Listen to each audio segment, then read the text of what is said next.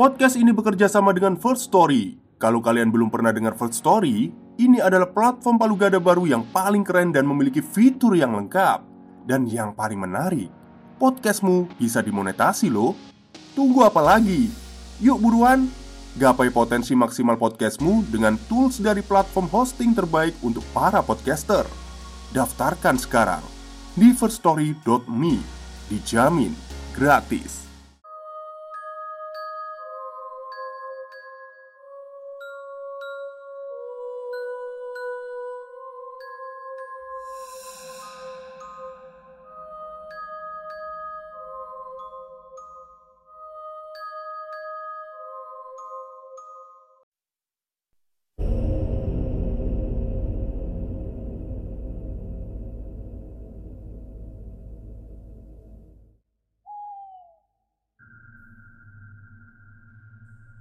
Assalamualaikum warahmatullahi wabarakatuh.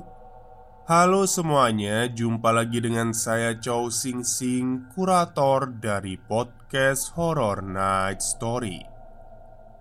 Halo apa kabar semuanya? Semoga kalian semua sehat-sehat.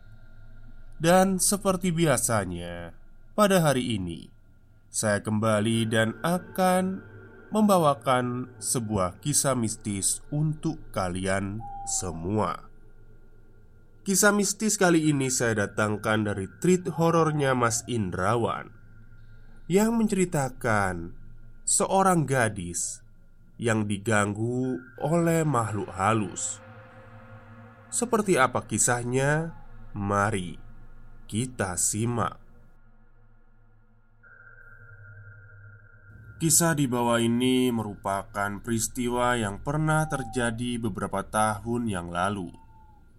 Nama tokoh dan tempat seperti biasa akan aku samarkan demi kenyamanan bersama.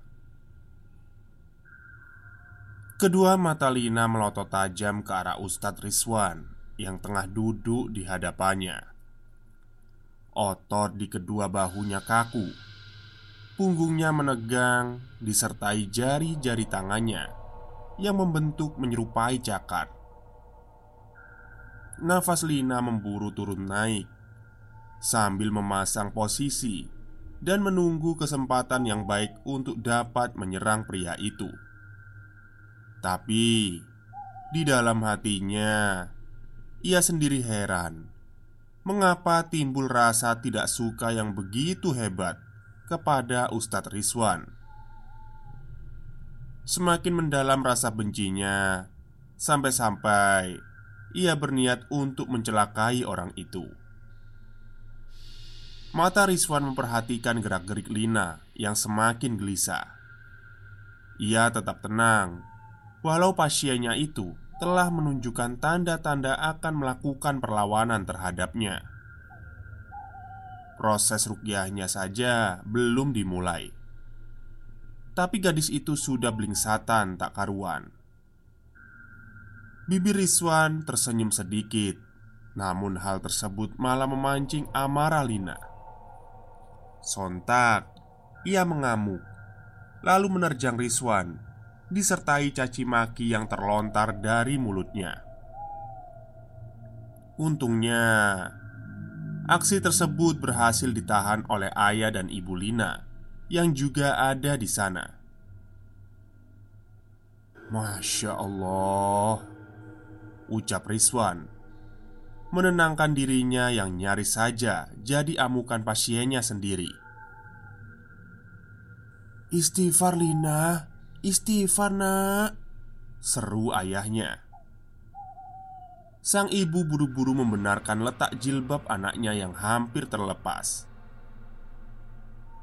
Walah, ini jinnya udah main nyosor saja. Padahal belum saya apa-apain. Kelakar Rizwan sambil menahan tawa. Tak mau diejek, Lina mendelikkan matanya lebar-lebar sambil berseloroh lantang. Pergi kau. Ngapain kau di sini? Cari mati kau. Diserga seperti itu malah membuat Rizwan nyengir. Sebenarnya, ia sudah terbiasa menghadapi keadaan semacam ini. Ya sudah, biar nggak berlama-lama, saya mulai saja ya rukyanya. Bapak sama ibu tolong dipegangin anaknya. Takutnya dia ngamuk lagi. Tugas Rizwan. Lalu Rizwan memakaikan sarung pada kedua tangannya. Bibirnya perlahan mengucapkan kalimat ta'awud Disusul dengan bacaan basmalah Bismillahirrahmanirrahim Seketika itu juga Bola mata Lina membeliak. Mulutnya mengerang kemudian memekik teramat kencang. Tiga pekan yang lalu Lina terjatuh dari motor sewaktu pulang kerja. Karena hanya kecelakaan ringan Ia cuma mengalami luka-luka kecil pada bagian kaki. Namun Esok hari setelah kecelakaan itu Ia malah terserang demam tinggi Panas tubuhnya tak kunjung menurun sehingga Lina terpaksa dibawa ke klinik. Usai diperiksa, ternyata ia terkena tipes. Faktor penyebabnya, Lina kelelahan karena terlalu banyak bekerja serta kurang istirahat. Mau tak mau, Lina mesti menginap selama dua hari di klinik itu. Malam pertama saat tidur di tempat itu Lina sempat mendengar ada suara perempuan yang memanggil-manggil namanya. Suara panggilan itu rasanya terdengar sangat jauh, tapi telinga Lina dapat menangkapnya dengan cukup jelas.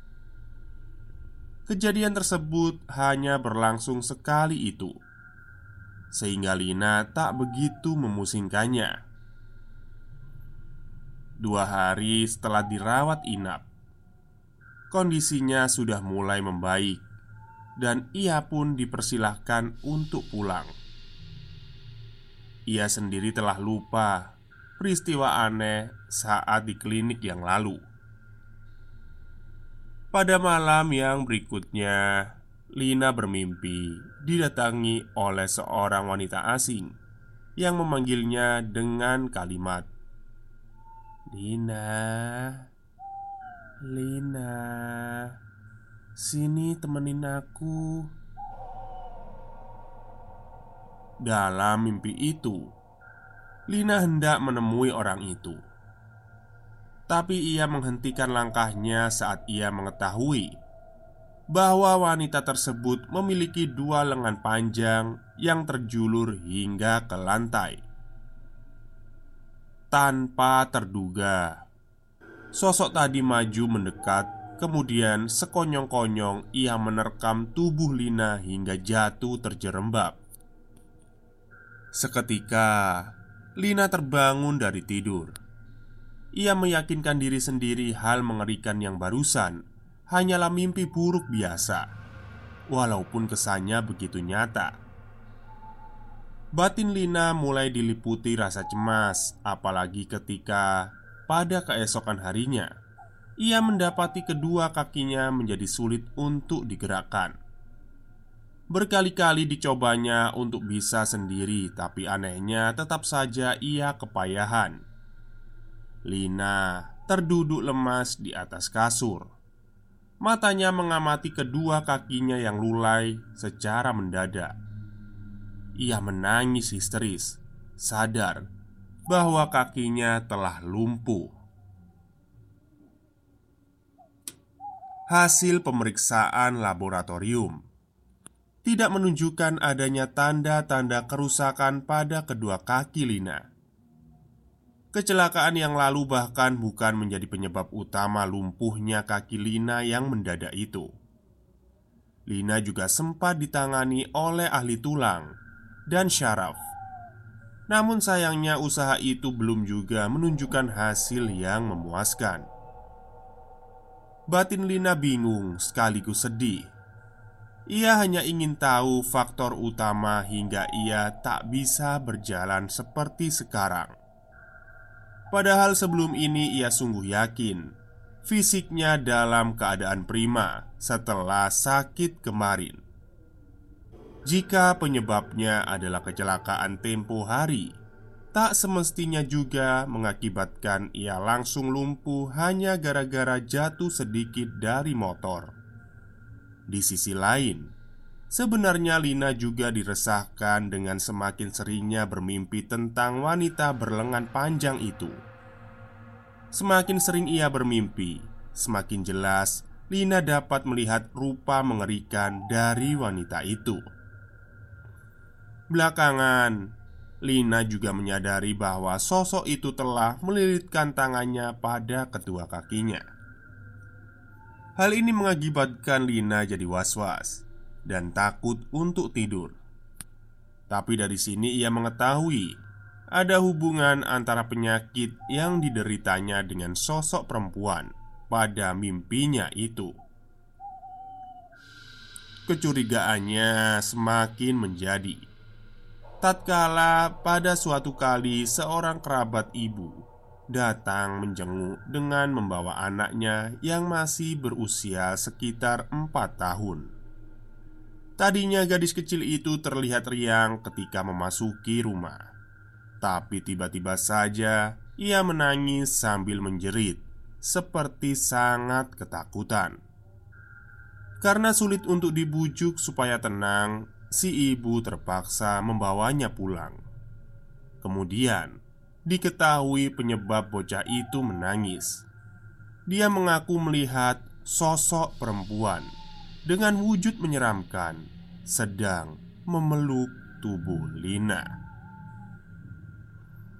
Anak itu juga melihat ada yang melingkar pada kaki Lina Yang awalnya ia kira seekor ular Namun saat diperhatikan lebih seksama Benda yang melingkar itu ternyata sepasang tangan yang begitu panjang Hingga menyerupai ular yang tengah melilit kedua kaki Lina Orang tua Lina terhenyak mendengar kesaksian di luar nalar semacam itu. Memang sulit untuk dipercaya, tapi rasanya cerita tersebut cukup relevan dengan keadaan yang dialami oleh Lina sekarang ini. Mau tak mau, mereka pun harus meyakini bahwa terdapat sesuatu yang sedang bersemayam pada diri Lina. Entah apa pun itu yang pasti sesuatu tersebut harus dipaksa pergi Sebelum kondisi Lina bertambah parah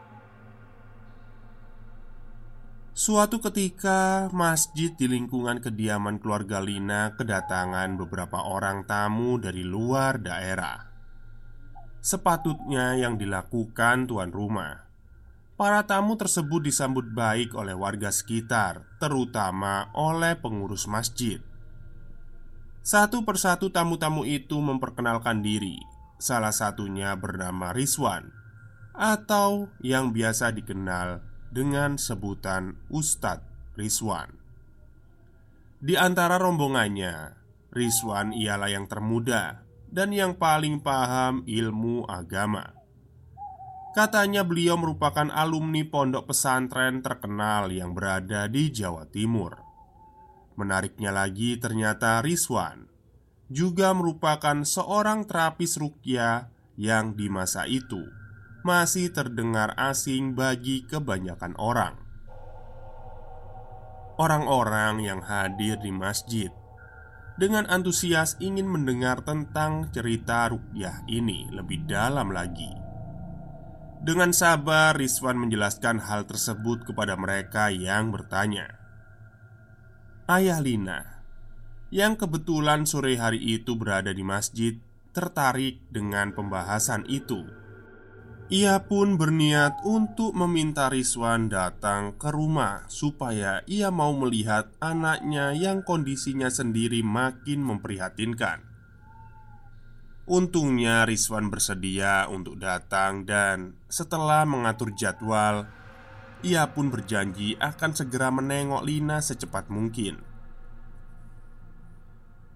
Dari mulut Rizwan Tak henti-hentinya Bacaan ayat-ayat suci dilantunkan Sementara itu Lina terus-terusan meronta dan meraung-raung seperti menahan rasa panas, seolah-olah ada bara api yang hendak membakar habis tubuhnya. Fisiknya semakin lemah, tapi ada semacam dorongan aneh dari dalam tubuh yang memaksanya supaya terus berontak. Ia gerakkan jari-jarinya mengincar wajah Rizwan.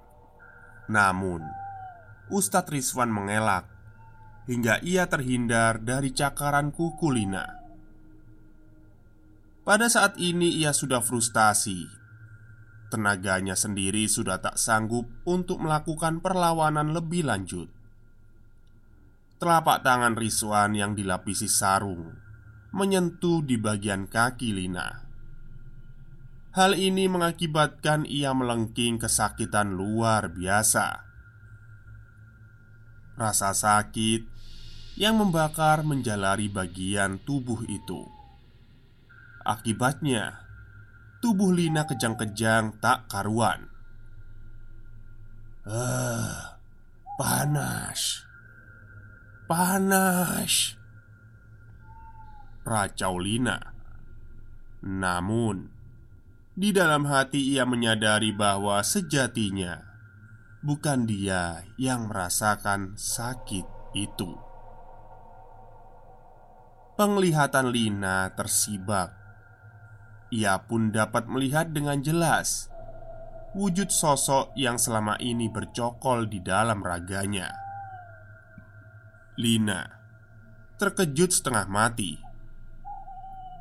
Makhluk mengerikan itu ternyata adalah makhluk yang selalu menghantuinya lewat mimpi.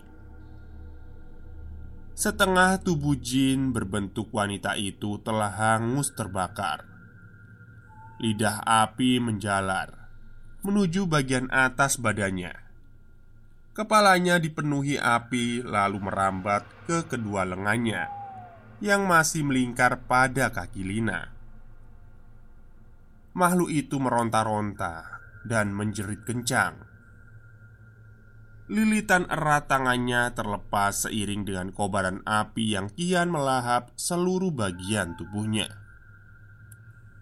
Lina ngeri karena harus menyaksikan pemandangan itu. Dalam hatinya, ia berdoa supaya diberi keselamatan. Matanya terpejam, lalu berharap semoga mimpi buruk ini segera berlalu. "Ayo, keluar, keluar!" kata Rizwan sambil menepuk-nepuk punggung Lina.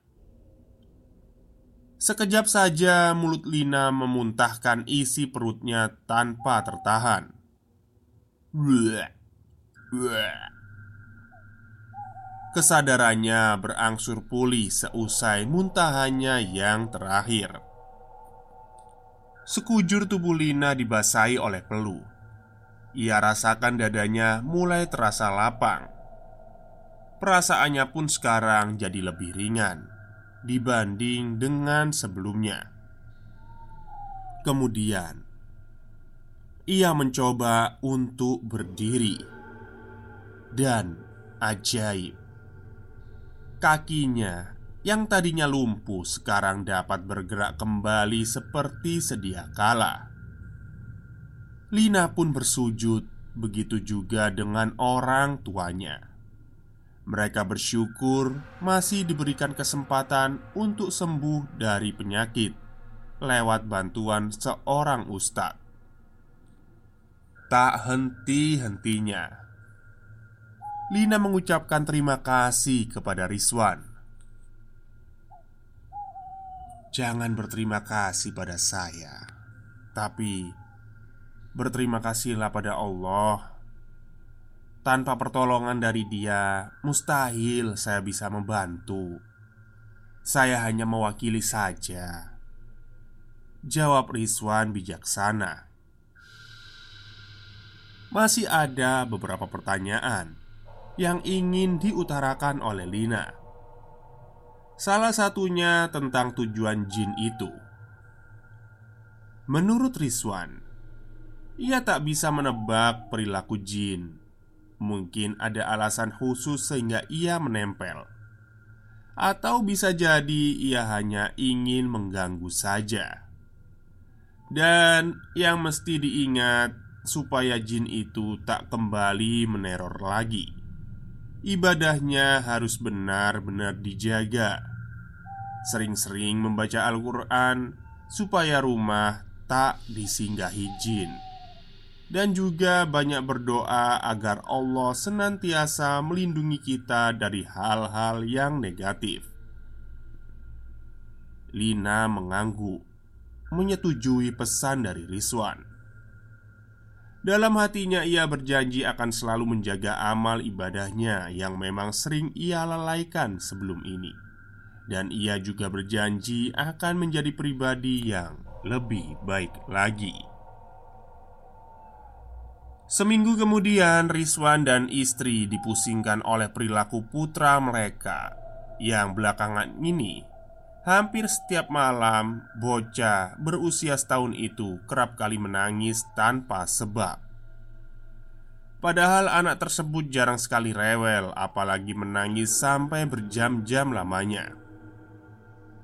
Ia hanya bisa tenang ketika memasuki waktu fajar ataupun setelah diperdengarkan bacaan Al-Quran. Perasaan Rizwan mulai tak nyaman, apalagi ketika istrinya bercerita pernah bermimpi didatangi oleh seorang wanita dengan kondisi tubuh yang hangus terbakar. Katanya, wanita itu marah kepada Rizwan karena telah berani menyakiti dirinya. Akhirnya, Rizwan paham Jin wanita tersebut ternyata menaruh dendam padanya. Sejujurnya, ia tak pernah mengira keluarganya pun akan terkena imbas dari proses rukyah kemarin. Dan seperti ini, kejadian seperti ini maksudnya, baru pertama kali terjadi sepanjang karirnya selaku terapis. Malamnya Rizwan hendak melaksanakan sholat tahajud Di ambang pintu kamar Ia tertegun saat melihat ada sesuatu yang tengah berdiri di sana. Di balik gorden putih yang tipis Sesosok wanita dengan wujud hancur terbakar Sedang menatap tajam ke arah Rizwan. Matanya mengisyaratkan kebencian Seolah ada dendam yang sepertinya ingin segera dilampiaskan Nafas Rizwan tertahan menyaksikan penampakan menyakitkan dari makhluk itu Itukah dia? Apa itu jin yang dendam padaku? Terkanya Perlahan Hatinya mulai gentar Sungguh ia tak menyangka bentuk makhluk tersebut ternyata terlalu rusak Akal sehatnya tak sanggup untuk menyaksikan penampilan itu jauh lebih lama. Rizwan goyah. Pandangannya mulai menggelap Kesadarannya semakin jauh berkurang. Hingga ia pun terkulai lemah dan akhirnya jatuh pingsan. Selesai. Sekian cerita untuk kali ini. Semoga kalian semua suka dengan kisahnya. Jumpa lagi di treat Indrawan yang berikutnya. Good night and sleep tight. Oke, itulah akhir kisah dari treatnya Mas Indrawan Adelbert Rusti Ya memang begitu ya e, Resiko seorang eksorsis ya Ada yang setannya itu langsung hilang, ada yang setannya dendam gitu ya. Tapi ya memang itu resiko sih ya daripada profesi itu gitu. Ya semoga lah ya eh, para perukia atau pengusir setan yang ada di dunia ini eh, meskipun mengalami hal seperti itu tidak gentar atau goyah gitu ya.